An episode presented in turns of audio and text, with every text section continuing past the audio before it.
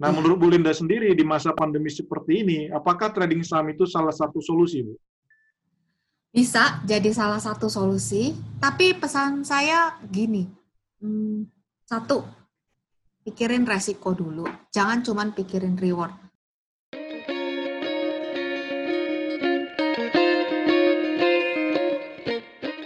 Halo para penonton dan pembaca Tagar ID dan maupun Tagar TV, terima kasih tetap setia di acara kami.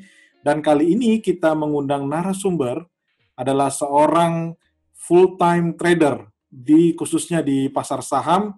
Beliau adalah seorang emak-emak dan sudah mengeluarkan beberapa buku yang juga masuk ke bestseller di toko buku yang ada di Indonesia Siapa lagi kalau bukan Ibu Linda Lee. Halo, apa kabar Bu Linda?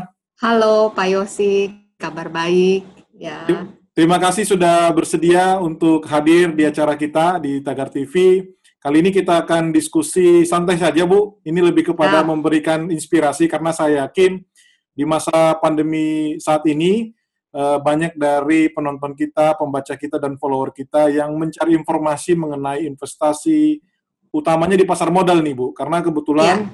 banyak dari porsi dari pembaca kita masih muda-muda, mungkin baru menikah, sudah punya penghasilan ya. atau mungkin sebagai ibu rumah tangga juga uh, atau yang bekerja juga sama gitu. Nah, mereka sedang mencari informasi tentang sebenarnya apa alternatif yang bisa dilakukan untuk mengelola keuangan lah gitu Bu, khususnya ya. untuk berinvestasi. Nah, mungkin kita mulai dulu yang simple dulu. Ini awalnya gimana Bu ceritanya Bu Linda ini masuk atau terjun ke pasar saham, Bu? Awalnya di didorong suami. Jadi uh, sebelum masuk ke pasar saham, kita pernah gagal dulu di pasar uang yang lain, gitu ya. Jadi uh, saya sempat antipati dengan dunia ini karena uh, waktu itu tidak memperhitungkan resikonya. Hanya iming-iming bahwa dunia ini bisa kasih uang yang banyak gitu, bisa bikin cepat kaya. Nah, dengan iming-iming seperti itu uh, kita nggak uh, nggak mikirin bahwa segala hal itu ada resikonya. Gitu. Jadi uh, kita masuk ke dunia pasar uang yang lain dan udah pasti dipastikan ceritanya adalah waktu itu rugi. Lalu uh, beberapa waktu berikutnya ada waktu itu mulai online trading ya. Jadi trading bisa dari rumah, yang penting ada handphone dan jaringan internet. Nah, untuk masuk ke dunia saham ini lagi, suami lagi yang mendorong gitu. Uh, coba lagi, saya bilang enggak kan dulu uangnya udah hilang. Saya bilang itu, ini pasti dunia yang bikin uh, uang tuh cepat hilang. Dia bilang, coba kenalan dulu dengan yang ini. Nah, akhirnya berbekal bahwa uh, waktu itu tidak memperhitungkan resiko dan tidak punya pengetahuan apa-apa, saya coba mencoba untuk mulai bertransaksi di uh, saham Indonesia. Seperti itu, Pak Yosi. Ceritanya. Itu tahun berapa, Bu, kira-kira, Bu, mulainya, Bu? Uh, akhir 2009 akhir 2009. Berarti setelah ini ya 2008 sempat ya, pasar ya. saham semua karena apa? uh, krisis ekonomi ya, ya itu ya. Iya, okay. betul. Berarti pada waktu itu inilah ya Bu, langsung 2009 kan bagus tuh kenaikannya juga gitu. Iya. Oh, enak Pak. Uh, beli paling nggak lama udah bisa dijual, beli nggak lama udah bisa dijual. Tapi ada satu masa uh, pasti ya bursa kan ada masanya turun dalam ya. Nah, di situ saya mulai pucat. nah, kayak gitu ceritanya Pak Yosi. Nah, uh, memulai lagi nih dari sebelumnya punya pengalaman buruk seperti itu. Memulai awalnya ya. itu uh, berapa berapa jumlah yang uh, akhirnya Ibu kan kita nggak mungkin langsung besar gitu ya, Ibu. Namanya ya, kita ya. baru recover dari situasi ya. yang nggak percaya, ini mulai belajar, mulai menghitung resiko. Itu gimana Ibu cara untuk uh, ngatur dananya, Bu? Oh, uh, pasti waktu itu saya coba dulu sedikit. Sedikit selamat nggak nih? Kalau waktu itu kan nggak ngerti ya hmm. uh, iming-imingnya ini coba. Habis suntik lagi. Habis lagi. Terus akhirnya uh, saya di saham coba lagi sama. Kayaknya waktu itu berapa ya? Minimal 25 juta apa 50 juta saya lupa. Tapi segitu. Ya, ya. jadi enggak lebih dari 100. Jadi saya coba uh, coba. Terus uh, menghasilkan ya baru berani tambah lagi. Kayak gitu sih, Pak. Jadi enggak okay. langsung sekaligus. Iya, gitu iya. Oke, Bu. Uh, tadi kan Ibu bilang akhirnya sudah mulai mengkalkulasi resiko. Bisa di ya. uh, sharing Bu tips-tipsnya gimana Bu uh, membagi resiko apa yang dimaksud di uh, mulai memperhitungkan ya. resikonya Bu? Maksudnya gini, kalau dulu uh, saya tuh berpikir kalau misalnya uh, jual beli itu pasti nggak ada ruginya, hmm. gitu. Apalagi dengan iming-iming uh, bisa dapat uang banyak. Jadi fokus saya hanya mikirin pen, apa yang akan saya dapatkan uh, rewardnya aja gitu. Kalau jadi kalau beli yang cuma diukur itu nanti saya mau jualnya segini, wah asik, dapetnya segini. Tapi saya nggak sadar bahwa kalau di dunia uh, jual beli saham ini ya kalau boleh saya sebut trading karena saya aktivitasnya cukup sering. Dulu saya nggak sadar setiap saya beli saya harus berani untuk menanggung resiko rugi. Jadi paradigma dan pola berpikir saya itu uh, belum apa ya belum terbuka gitu. Saya hanya mau mikir enaknya aja ya. Jadi uh, saya belum sampai kepikiran kayak gini. Seperti saya jual buah. Kalau buah itu kan ada expired busuknya ya. Nah, ya saya nggak mikir kalau udah busuk buah ini mau diapain gitu. Ya ada yang dipotong-potong, dibikin rujak, ada yang uh, dijual diskon. Yang penting ada modal yang bisa diselamatkan. Nah saya nggak pikir gitu. Saya pikir pokoknya kalau saya udah beli, uh, ya di ditahan aja sampai nanti untung baru dijual. Itu juga boleh. Tapi di saat market turun tajam, saya kaget nggak ngerti harus apa gitu. Jadi uh, apalagi waktu turun tajam itu uang yang saya udah masukin udah nggak ada lagi uangnya. Saya kan nggak mungkin setiap turun masukin duit. Setiap kan nggak gitu. Jadi saya pikir kalau saya udah masukin misalnya segini, ya udah segini gitu. Nggak bisa setiap turun saya tambahin, setiap turun saya tambahin. Jadi prinsip saya nggak gitu. Kecuali memang saya punya uh, punya uh, rencana, kalau saya sudah dapat uh, untung, saya mau tambahkan lagi itu beda cerita, bukan karena saya nyangkut gitu ya. Yeah. Nah, setelah saya sadar bahwa pergerakan harga itu turun naik, jadi saya mikir kayaknya nggak bisa begini deh, nggak bisa uh, kalau pas turun saya tuh nggak punya duit gitu kan, apalagi setiap saat kan pasti ada kesempatan ya untuk kita beli gitu. Jadi saya mulai mengatur uh, selalu menyisakan uang di portofolio dan saya selalu berpikiran gini, uh, setiap saya beli saya harus uh, berani untuk kalau harga berbalik arah saya harus berani untuk jual rugi seperti ya. buah yang busuk saya harus cari cara supaya jangan 100% jadi dibuang gitu tapi ada beberapa yang bisa saya selamatkan untuk belanja buah yang baru. Kayak gitu sih. Iya, iya. Ya, Bu. Nah, uh, Ibu kan trader ya, Bu. Uh, artinya ya. uh, di terutama di saham Indonesia. Uh, ya. Kita tahu ada untuk untuk membeli saham dan menjual saham itu ada banyak jenis analisis ya, Bu. Iya, iya. Uh, mungkin teman-teman saya juga uh, kebetulan saya memang lebih ke investasinya. Tapi ya. teman-teman saya banyak yang menggunakan technical analisis, ada juga yang ya. bandar modologi atau mungkin ada metode lain. Kalau ya. khusus untuk Bu Lindali sendiri menggunakan te- uh, analisa seperti apa ya Bu? Saya menggunakan analisis teknikal, Pak. Jadi uh, waktu perjalanan saya belajar uh, dari kesalahan di pasar yang sebelumnya, ya. saya tahu kalau saya mau berhasil berarti saya harus belajar dari kesalahan. Dan waktu itu memang uh, yang datang uh, ajakan itu adalah belajar analisis teknikal. Uh, menurut saya sebagai trader itu dari apa yang saya pelajari, uh, saya terbantu sekali dengan bisa menguasai analisis teknikal karena uh, kita kan perlu uh, visual ya perlu visual yang dilihat kapan uh, kita boleh nyicil untuk masuk dan kapan kita hati-hati kalau misalnya market ada uh, pullback dulu, ada turun dulu sedikit sebelum uh, dia melanjutkan kenaikannya. Seperti itu. Jadi saya pakai analisis teknikal, Pak. Nah, itu analisis teknikal kan banyak ya, Bu, toolsnya, indikatornya ya, ya gitu ya. Iya. Mungkin bisa di-sharing, Bu. Uh, eh, okay. Saya yakin banyak yang mau belajar juga, cuman bingung nih, mau sebenarnya indikator yeah. mana yang uh, Oke. Okay. Kayak gini, Bu, yang efektif untuk Bu Linda itu seperti apa? Gitu Oke. Okay. Saya pakai yang simple aja sih, Pak Yosi. Jadi uh, saya dalam perjalanan mem mencoba mempelajari yang ini, yang ini, yang ini, yang ini, semua baik. Cuman pada akhirnya uh, saya memakai analisis teknikal klasik.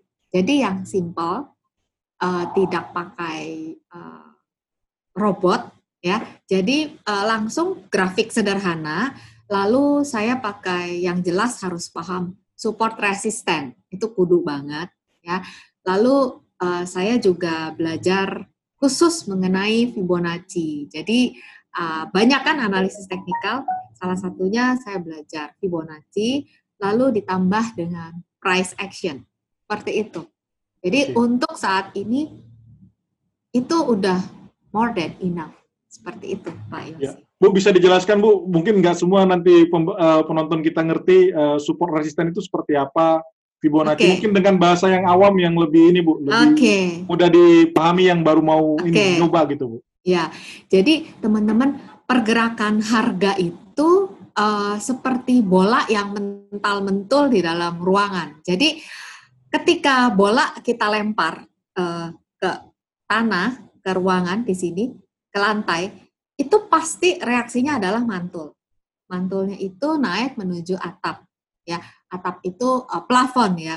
Nah, ketika dia sampai di plafon, dia pasti kejeduk dan akhirnya dia arahnya turun lagi menuju lantai. Nah, pergerakan harga seperti itu. Nggak ada pergerakan harga yang ketika dibuka langsung melesat terus, nggak ada mundur-mundurnya. Terus sampai ke langit ke 7, 10, 12, nggak ada.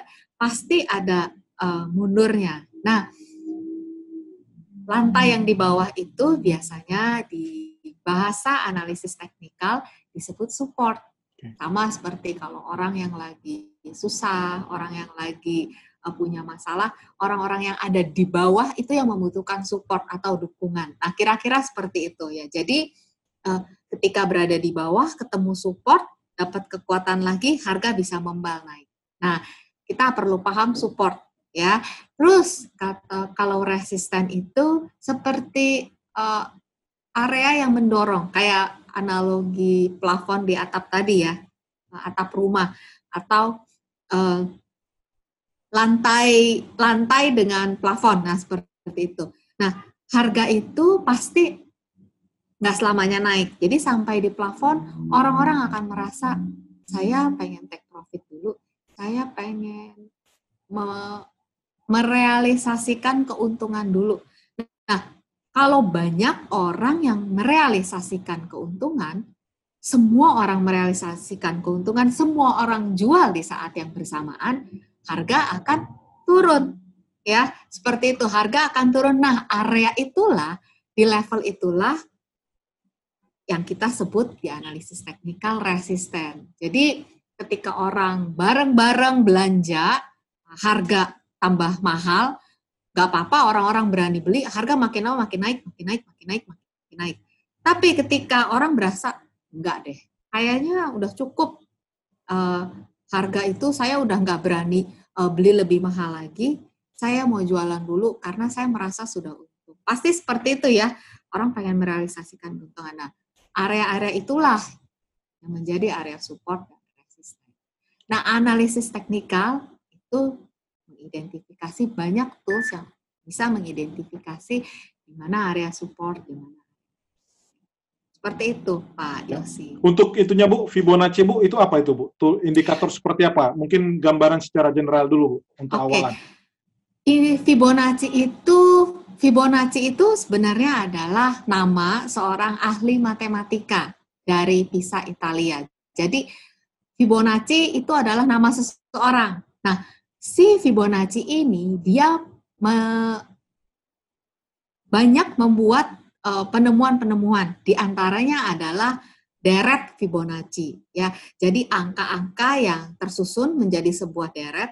Nah, dari angka-angka Fibonacci ini, ketika angka-angka itu dibagi dengan angka Fibonacci yang lain akan menghasilkan rasio. Nah, rasio inilah yang dipakai di dalam analisis teknikal untuk mengukur di mana sih kira-kira area support dan resisten harga itu. Hmm. Penampakannya kita harus pakai grafik ya, harus pakai grafik untuk bisa lihat penampakannya. Fibonacci itu banyak, ada yang penampakannya seperti uh, garis-garis uh, horizontal, ada yang penampakannya seperti uh, kurva, ya, ada yang penampakannya uh, garis-garis uh, seperti kipas. Nah, penampakannya boleh bermacam-macam, tapi tujuannya sama, yaitu untuk uh, memberitahu kepada kita di mana sih area support dan resisten daripada pergerakan harga itu. Seperti ya. itu, Pak Iya, Bu. Oke, uh, Bu, Ibu kan full time di dunia uh, trading saham, Bu. Iya. Uh, supaya teman-teman dapat gambaran barangkali ada emak-emak uh, juga atau mungkin teman-teman yang uh, berpikir untuk mengambil uh, atau mengambil profesi yang sama seperti Ibu. Kira-kira rutinitas tiap hari itu seperti apa, Bu? Karena kita tahu kan sekarang kan bursa dari jam 9 pagi sampai jam 3 sore ya gitu ya. Iya. Ya. Disesuaikan dengan aktivitas Ibu sehari-hari seperti apa, Bu, yang berkaitan dengan itu? Dengan uh, keseharian seorang mak-mak trader gitu ya. Betul, betul. Mak-mak uh. trader itu gimana sih, Bu, kesehariannya? Mungkin yang yang biasa terjadi lah gitu, Bu. Oke, okay, sehari-hari kalau saya uh, bangun pagi, uh, biasanya olahraga dulu ya. Biasanya olahraga udah pasti uh, lalu menyiapkan sarapan untuk anak-anak sebelum uh, jam 9 jadi sebelum karena market buka jam 9 berarti sebelum jam 9 tugas saya sebagai emak-emak itu harus sudah selesai. Ya jadi ketika jam 9 saya tidak mau uh, ada PR uh, dari emak-emak. Jadi uh, saya harus sudah olahraga, harus sudah mandi, harus sudah uh, menyiapkan makan pagi itu dulu. Nah nanti market kan jam 11 sudah lebih stabil. Jadi mulai jam 11, 11.15 biasanya saya mulai menyiapkan makan siang. Hmm. Makan siang jam 12. Market kan mulai lagi jam setengah dua kan ya. Nah mulai dari uh, jam 1 saya mulai lihat-lihat lagi tadi sesi satu uh, kayak apa closingnya, terus uh, apakah masih sesuai dengan uh, yang uh, dibaca atau dianalisa seperti itu. Apakah harus nanti di sesi dua harus uh, mulai uh, bertindak? Maksudnya apakah ada yang uh, harus dijual atau harus dibeli? Jadi uh, review biasanya. Eh begitu jam market buka kan cuma sebentar sekarang ya. Sebenarnya buat saya sebagai ibu-ibu market tutup jam 3 itu dapat tambahan gitu. Jam 4 itu mulai jam 4 itu kan untuk waktu untuk diri sendirinya jadi lebih banyak. Hmm. Nah, pastinya jam setengah tiga uh, itu mantau deh sampai penutupan. Jadi kira-kira itu mantau, selesai mantau udah saya tahu oh uh, ini masih di hold, oh ini uh, boleh nih dipantau buat besok seperti itu. Ya udah mulai jam 3 uh, kalau mau belanja atau mau sekarang ya dari work from home ya atau mau istirahat atau mau bikin kue atau ya apa aja gitu. Nanti nyiapin makan malam, malam coba untuk review. Saya paling uh, tutup market sembari jawabin grup, kan saya juga ada grup. Jadi sembari jawabin grup, Instagram dan segala macam, selesai uh, fokus lagi ke rumah masak untuk makan malam, selesai makan malam, ya jam 8 jam 9 lihat-lihat grafik untuk besok. Apakah yang harus uh, lihat Dow Jones biasanya ya kayak gimana? Uh, ya udah besok begitu lagi diulangi. Seperti ya. itu sih. Iya Bu. Untuk untuk pemula nih Bu. Uh, ya. Kan ada 800 lebih ya Bu perusahaan yang ada ya. di Bursa Efek Indonesia. Nah kalau Bu Linda sendiri mau milih nih mana yang mau di tradingkan hari ini atau besok itu gimana Bu cara untuk filternya gitu Bu? Kalau dari okay. sisi technical analisisnya ya. Ya, uh, yang pertama kalau untuk pemula biasanya saya selalu pesan beli saham-saham yang perusahaannya kamu bisa lihat sehari-hari. Kamu bisa lihat uh, banknya, kamu bisa lihat barangnya, apalagi kalau kamu makan juga gitu. Jadi pilih perusahaan yang dekat dengan kamu gitu. Jadi jangan yang entah perusahaan apa itu itu dulu. Lalu screennya kalau saya mau nggak mau harus lihat grafik Pak Yosi. Hmm. Jadi lihat grafik, lihat posisi pergerakan harganya seperti apa, lalu melihat tren, trennya seperti apa, dan diukur pakai Fibonacci, uh, analisa teknikal yang lain, ya kalau misalnya dia sepertinya udah sepertinya sudah uh, mau untuk bergerak naik, itu langsung dicatat. Saya jadi saya ada notes besok saham ini ya yang diperhatikan pas opening sesi pertama. Strateginya begini begini gini, rencananya gini gini. Jadi malam itu saya udah pikirin dulu besok pas opening saham mana yang harus saya perhatikan atau mau dijual yang ini ini ini dulu ya. Jadi seperti itu Pak. Harus pakai grafik okay. dan lihat posisinya uh, trennya seperti apa seperti itu sih. Ya. ya. Nah ini bu kan teman-teman juga yang baru join juga kan biasanya banyak uh, join grup-grup komunitas ya. di WhatsApp, di Telegram atau mungkin di Facebook ya. gitu ya bu. Itu kan banyak uh, apa sinyal-sinyal atau rekomendasi. Ya. Itu menyikapinya seperti apa bu? Gimana okay. kita memilah ya mana yang harus kita ambil, mana yang mungkin oke okay, sekedar kita ketahui. Seperti apa bu mengelola informasi ini bu? Kalau dari bu okay. Dari pengalaman saya sendiri ya Pak, saya dari zaman dulu kita uh, zaman dulu biasanya masih ada masihnya Facebook, belum ada Telegram, belum ada WhatsApp.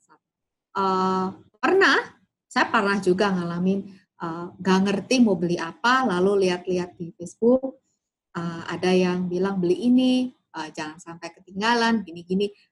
Gak ngerti, main langsung beli aja gitu ya. Mungkin sekali dua kali selamat, tapi lama-lama kebanyakan kebanyakan enggaknya gitu ya. Nah, dari situ saya belajar,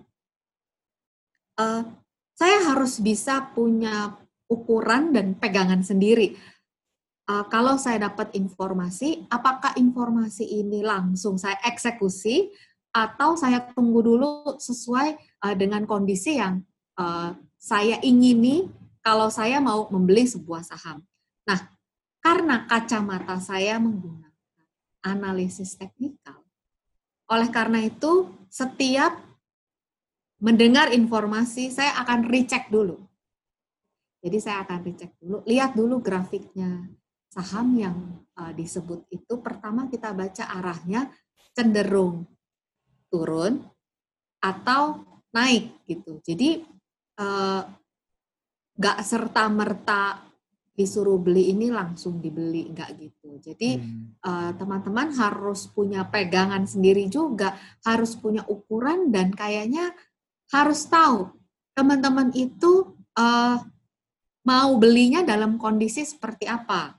Ya, jadi lama-lama kita akan belajar kondisi yang seperti ini kita baru mau beli gitu. Misalnya dia sudah nggak turun lagi harganya, dia udah uh, apa apa nggak turun-turun terus dan mulai beranjak naik, kita boleh ikutan. Nah seperti itu. Jadi kita harus punya pegangan dulu, harus punya pegangan ilmu dan kita harus tahu apa yang kita mau. Kalau saya pengalamannya harus lihat grafik dulu, cek dulu. Yang dia bilang itu arahnya cenderung naik atau cenderung turun.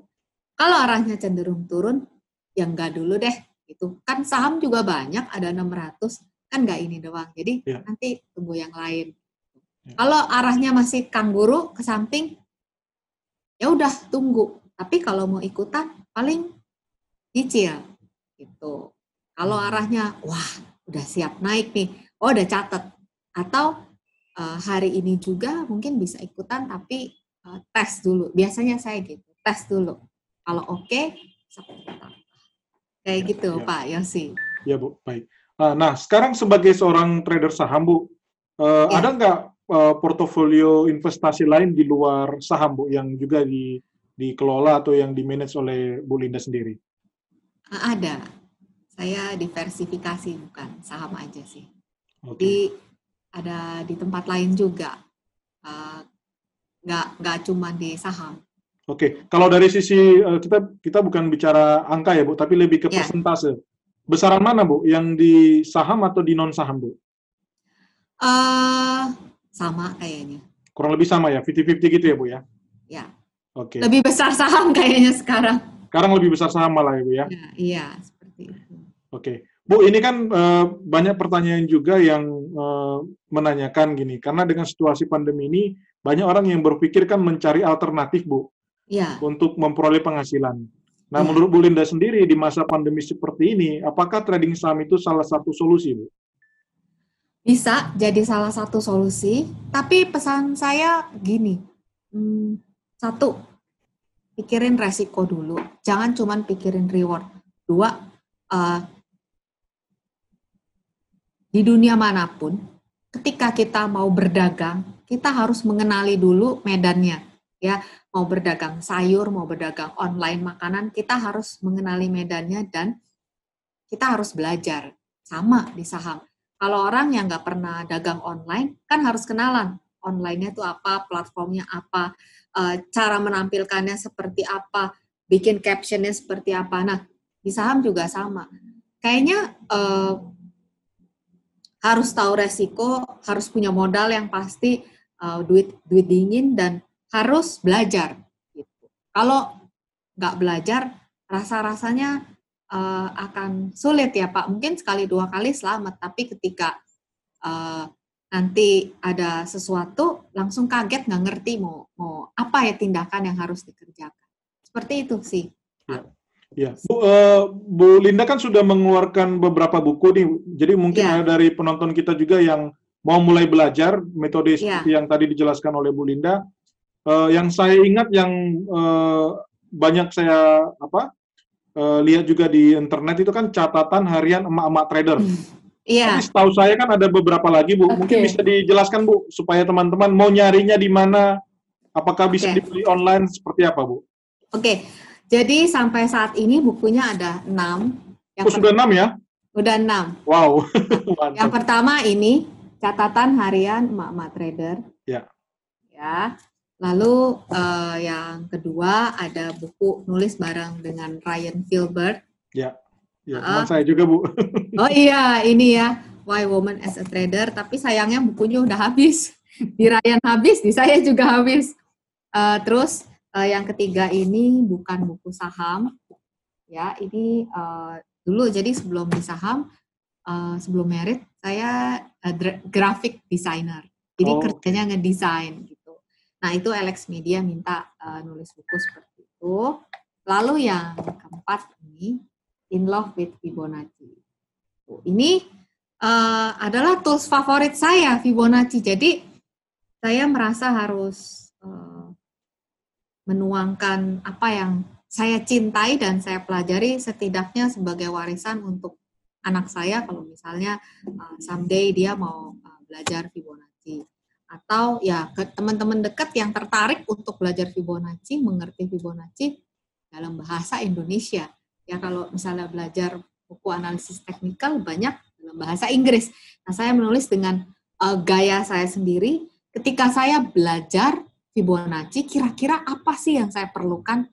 Uh, nah itu saya tuangin. Jadi apa yang saya perlukan ketika saya belajar, apa yang perlu saya tahu, nah itu yang saya tuangin uh, di buku-buku yang saya tulis. Jadi sama ini juga cara asik baca grafik. Uh, dan yang terbaru adalah ini cara cara asik baca candlestick. Jadi apa yang ingin saya uh, kalau orang nulis buku, saya kepengen orang itu nulisnya gini-gini gini loh. Uh, yang sistematis, yang simpel, apa-apa aja yang harus dipelajari. Nah, itu yang saya tulis. Jadi, uh, ketika selesai menulis buku Fibonacci, itu satu tahun langsung keluar empat buku. Nah, selesai menulis itu, saya uh, berproses untuk mengambil sertifikasi internasional di bidang analisis vertikal. Jadi saya belajar untuk ambil itu. Nah, eh, setelah saya belajar anak oh, untuk ujian itu dan sudah dapat, saya menuangkannya di sini. Jadi kira-kira saya pikir gini, kalau pemula harus ngelewatin belajar segini banyak kapan tradingnya, saya bilang itu. Jadi saya tulis sedemikian uh, simple, simple hmm. supaya kalau yang pemula kira-kira apa sih yang harus dipelajari? Nah ini. Okay. Jadi hal-hal yang harus kamu pelajari sebagai pemula yang harus kamu tahu kira-kira ada di sini. Bukunya nggak tebel. Tuh jadi nggak usah takut. Wah nggak kelar nih gue baca bukunya nggak gitu. Jadi bukunya tipis dan itu sistematis simple. Nah yang terbaru ini. Benernya Fibonacci uh, grafik dan candlestick ini adalah kayak trilogi. Ya jadi yang terakhir sebenarnya Fibonacci. Karena kita perlu belajar yang dasar dulu di sini Lalu ini adalah kuncinya, ya, uh, candlestick yang tadi uh, saya cerita teman-teman kita mempelajari pergerakan harga yang dibaca itu dia candlestick. Yeah. Nah itu. Jadi uh, saya menulis beberapa buku sebenarnya untuk uh, menjawab teman-teman yang ingin belajar kalau pemula apa yang harus dipelajari setelah belajar Fibonacci temennya yang mana. Nah kira-kira seperti itu. Ya, Bu. Berarti berarti itu cocok untuk teman-teman yang baru mau belajar ya, Bu ya. Tadi iya. yang cara asik baca, baca grafik sama cara asik uh, candlestick ya? baca. ya. Iya. Baca candlestick. Oke. Okay. Itu itu peroleh di mana? Online bisa juga, Bu? Nah, semua bisa dipesan di saya. Oke. Okay. Uh, kalau yang terbaru ini karena ini di launching pas sebelum kita PSBB, hmm. jadi ini masih dalam proses untuk masuk ke Gramedia. Tapi okay uh, selama ini semuanya ini bisa dipesan di saya. Oke. Okay. Gitu. Berarti langsung ke Instagram dari Bu ya. ya Bu ya? At ya. Linda. And, Linda Lee underscore Vibo Princess. Linda Lee underscore Vibo Princess. Oke, okay, ya. nanti kita kita taruh di sini Bu nanti.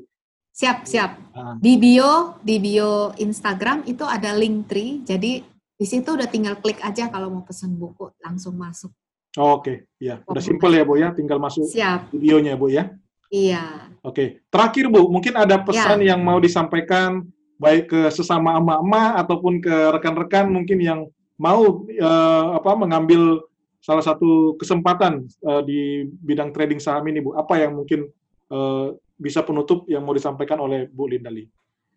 Teman-teman, khususnya uh, untuk ibu-ibu trader, mama trader, atau pemula yang baru ingin berkenalan di dunia uh, saham Indonesia baik sebagai investor ataupun sebagai trader, kita perlu mengupgrade diri kita. Kita perlu belajar mengisi diri kita agar kita dapat berhasil di dunia ini. Jadi teman-teman uh, jangan tergiur dengan rewardnya. Reward itu pasti. Tidak ada usaha yang mengkhianati uh, hasil, itu pasti. Hanya kita harus melakukan bagian kita dulu, belajar, dan tetap semangat uh, dalam menjalani investasi maupun trading di Bursa Saham Indonesia. Salam semangat selalu untuk teman-teman semuanya. Itu aja, Baik, Pak. Terima kasih sekali Bu Lindali untuk waktu dan kesediaannya. Demikian bincang-bincang kita dengan Bu Lindali, seorang full-time trader di Pasar Saham Indonesia. Terima kasih. Sama-sama, Pak.